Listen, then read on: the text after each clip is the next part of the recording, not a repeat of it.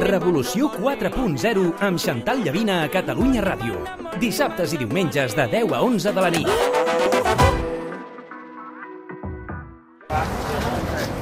Saps que encara estic buscant cotxe? I ja t'has decidit? Ui, no, ja m'agradaria. A veure, per què el necessites? Doncs per anar a la feina cada dia, fer escapades... I per entrar a la ciutat, no? Exacte. I, és clar que no sigui car. Doncs sí. Tria Toyota CHR Hybrid amb mode elèctric, sense endolls i amb etiqueta eco. I finança l'ara amb Toyota Paper Drive. Toyota, sempre millor.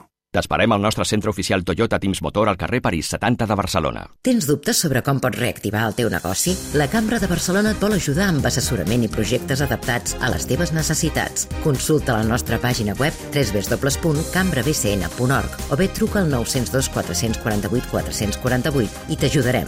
La Cambra, sempre al servei de les empreses i autònoms. I ara més que mai, fem-vos costat.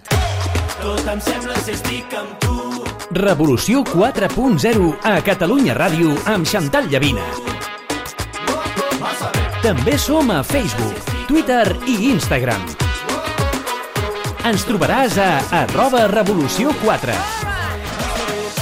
Revolució 4.0 aquesta temporada. Dos dies, dissabtes i diumenges, de 10 a 11 de la nit i sempre a la web. Masterclass Becerra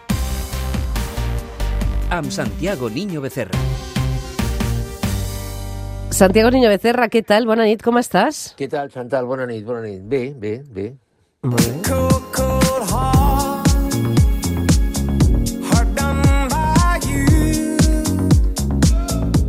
Tema que vull parlar avui amb Santiago. Pugen els preus i trampes als supermercats. Per començar, Santiago, crec que vols comentar una notícia eh, que no dona bones sensacions. Dius que els supermercats ens estan enganyant. Per què? Explica'm això ben bé. No, no, bé, jo, jo, jo, no, jo no dic això.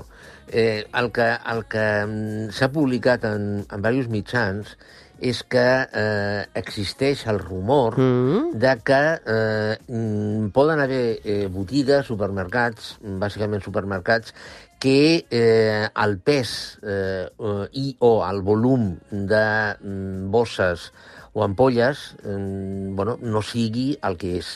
És a dir, que si compres un, una bossa de cigrons, un paquet de cigrons, d'un quilo, és a dir, de 1.000 grams, doncs igual mm, hi ha 980, 980 grams de cigrons. Això, aquest és un tema que mm, jo, jo recordo, tu recordaràs també, que quan van començar les, les marques blanques, eh, també es va dir, és a dir, es va, es va comentar que eh, les marques blanques eren més barates que les marques no blanques perquè bueno, el pes eh, o el volum que posaven en els seus envasos era, era més petit. Um, aquest article el que deia eh, també eh, és que eh, es recomanava que es passessin els Sí. productes que es compressin. No? Això ho ha dit la OCU, eh? l'Organització de Consumidors i Usuaris. Eh? Ha, ha llançat aquesta alerta. Eh? Sí, però, mm, Chantal, és a dir, si tu vas a comprar un paquet d'arròs, mm. a, jo què sé, a, un, a, una, a una botiga, a un supermercat, on, on vols passar aquest paquet d'arròs? És a dir, és que és... Jo, jo, jo crec que... Jo crec que mm, a veure... mm, A, avui dia és bastant difícil eh, eh, bueno, estafar, perquè això és una estafa, no?, amb el pes, perquè tot està absolutament automatitzat. Clar. Jo, jo, aquest artic, jo aquest article o aquest, de, aquesta Sí? informació la veig més en el sentit de promocionar a l'engròs, Clar.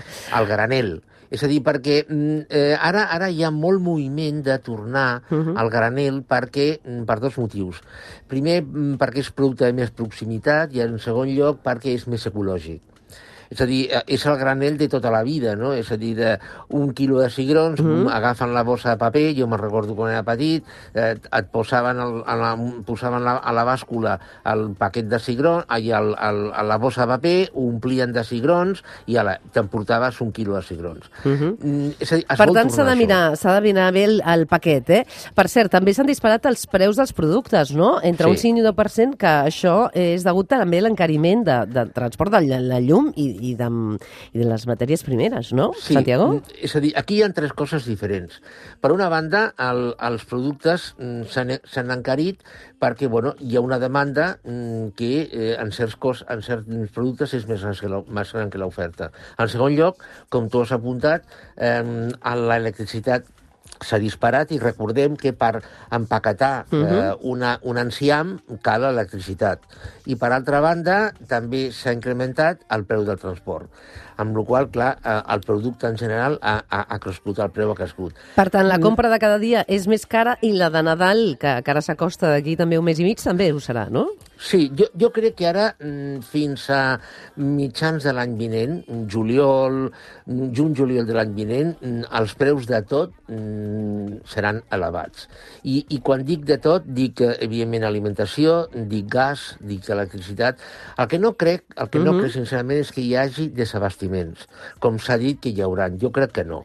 En, un, en el sistema capitalista els preus es regulen per l'oferta i la demanda. És a dir, mm, oferta hi ha, el que passa és que hi ha més cara, que hi ha més cara. Hi ha demanda que no podrà comprar aquesta oferta, amb la qual els preus s'estabilitzaran. Per cert, l'altre dia, si parlem de pujades de preu, llegia que es prepara una ecotaxa per les marques de roba. No podran destruir la roba que es vengui i hauran de pagar el reciclatge, no? Total que a, a, augmentaran les despeses que acabarem pagant nosaltres quan comprem la roba, no? Bueno, eh, a veure, al final, eh, el cost, eh, un cost, el que sigui, sempre l'ha de pagar algú. Eh, si les empreses de roba, les empreses productores de roba, poden incrementar la seva productivitat, eh, els costos baixaran i podran assolir aquesta despesa de reciclar la roba. Si no poden, evidentment la traslladaran al, al consumidor i el consumidor pagarà més per la roba. De tota manera, o sigui, aquesta és la teoria, eh? A, a, la, a la pràctica, el que passa és que la competència mm, és tan brutal en el món de la roba, tan brutal, que jo crec que mm, les empreses, abans de pujar preus, per aquesta raó, mm, tractaran d'assolir aquest cost a base d'incrementar la seva productivitat, jo crec. Volare,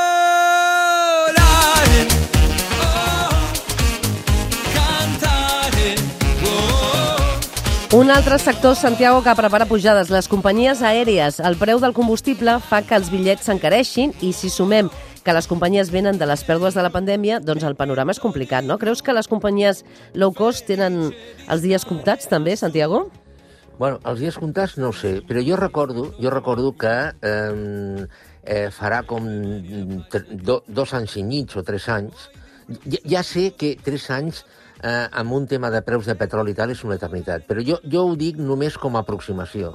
Recordo que eh, una entrevista que li van fer al, llavors el CEO de, de Ryanair, al, a l'Olivi, va dir que eh, una companyia low cost eh, amb un petroli mm, per sobre de 57-58 dòlars mm, era, era problemàtic. Era, era realment pro- problemàtic. Mm, bueno, I ara mm, també aquest senyor ha dit de que mm, bueno, mm, les companyies low cost tindran de pujar, tindran de pujar preus. Això què significa? Bueno, això significa que mm, si pugen preus mm, no tanta gent podrà utilitzar-les. Mm, I això significa que els turistes que mm, utilitzen aquestes companyies low cost pues, aniran, viatjaran menys. I recordem que Espanya és eh, bàsicament el turisme que arriba, arriba, eh, pam, arriba per avió, arriba per companyies low cost. Bueno, mm, aquesta és una realitat. És a dir, els, els preus dels bitllets mm, acabaran pujant, evidentment. Per tant, eh, els preus dels bitllets d'avió s'encariran sí. Sí. per aquest canvi de conjuntura que, par que parlaves, no? l'increment del cost del petroli, per una banda, i, i la inflació, no? I, per Exacte. tant, molta gent eh, pot deixar de viatjar i, per tant, la, les companyies aèries no puguin remuntar també les pèrdues que van tenir ja durant la pandèmia, no, Santiago?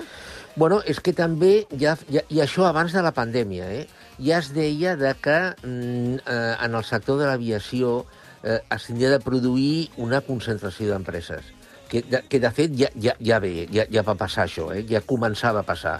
Bueno, al final quedaran menys companyies, es tindran de juntar, es tindran de, unes absorbiran a altres, o bé tindran de compartir mm, bueno, trajectes, costos, etc etc. És a dir, és que, mm, eh, mm, Chantal, la realitat és que sobra de tot al món. És a dir, sobra de tot. Sobra... En, una, en una situació en el que mm, el mundo va bien eh, i que, bueno, i que mm, tothom tira de crèdit o de, del que sigui, pues bueno, todo vale. Però en una situació en la qual mm, bueno, a, hi ha restriccions, mm, hi ha problemes, hi ha tensions, com està passant ara, bueno, pues, tot això es, es posa mm, damunt de la taula. Companyies, jo, jo ara, clar, sincerament, jo dubto moltíssim, per exemple, que Ryanair desaparegui, perquè és una companyia consolidada, és una companyia eh, bueno, que ha, ha sabut eh, eh, ad- ad- adaptar-se a, una, a una situació o a situacions que han anat, que han anat canviant. Ara, igual la Ryanair que veiem d'aquí dos anys mm, s'assembla molt poc a la Ryanair que coneixíem fa dos anys. Dinero tiene cualquiera. La casa que tú quisieras, pero esta no. Quisiera un jet privado para darte la vuelta al mundo. Ara que hem parlat també de l'avió, parlem dels bancs, no? Llegia una notícia l'altre dia, Santiago, que fa una certa mm, por. Es calcula que hi pot haver-hi 93.000 milions d'euros de crèdits que potser no es podran tornar. És així? Bueno, sí, eh, aquesta xifra jo recordo, jo recordo que cap al mes de febrer-març eh, es parlava de 45-46.000 milions i, i aquesta xifra ha pujat. Bueno, a, a, a veure, eh, una, una de les coses que es va dir quan mm, va arribar el confinament, etc etc, és que mm, les famoses empreses zombi, és a dir, aquelles empreses que anaven mm, amb una sabata i una espardenya, que anaven bueno, doncs, prorrogant eh, pagaments eh, i que anaven eh, recorrent a plaçaments i refinanciant deutes, etc etc, no podrien sobreviure, sobreviure a aquesta situació, a la situació de pandèmia i a la situació de confinament. Bueno, clar, aquestes empreses tenen deutes. Mm, el que passa és que, clar, els bancs, per altra banda, s'han vist mm, entre l'espasa i la paret. És a dir, és cert que molts crèdits que tenien mm, els van reconvertir a crèdits avalats, a crèdits nous, eh, però altres crèdits bueno, no han pogut i, i a la vegada han sortit, han tingut de donar crèdits nous. Mm, 96.000 milions són bastants diners. Uh Mhm. -huh. jo, jo només com a aproximació deixo la xifra de que és més del 8% del PIB d'Espanya. déu nhi uh, En seguirem parlant eh? eh, d'aquests préstecs que, que ja calcula el Banc d'Espanya que no es tornaran. Mm. Uh, en parlarem a la propera secció també. Santiago Niño Becerra, com sempre, un plaer escoltar-te i aprendre amb tu. Gràcies per ser el Revolució 4.0. Gràcies a tu, Chantal. Bona nit. Gràcies.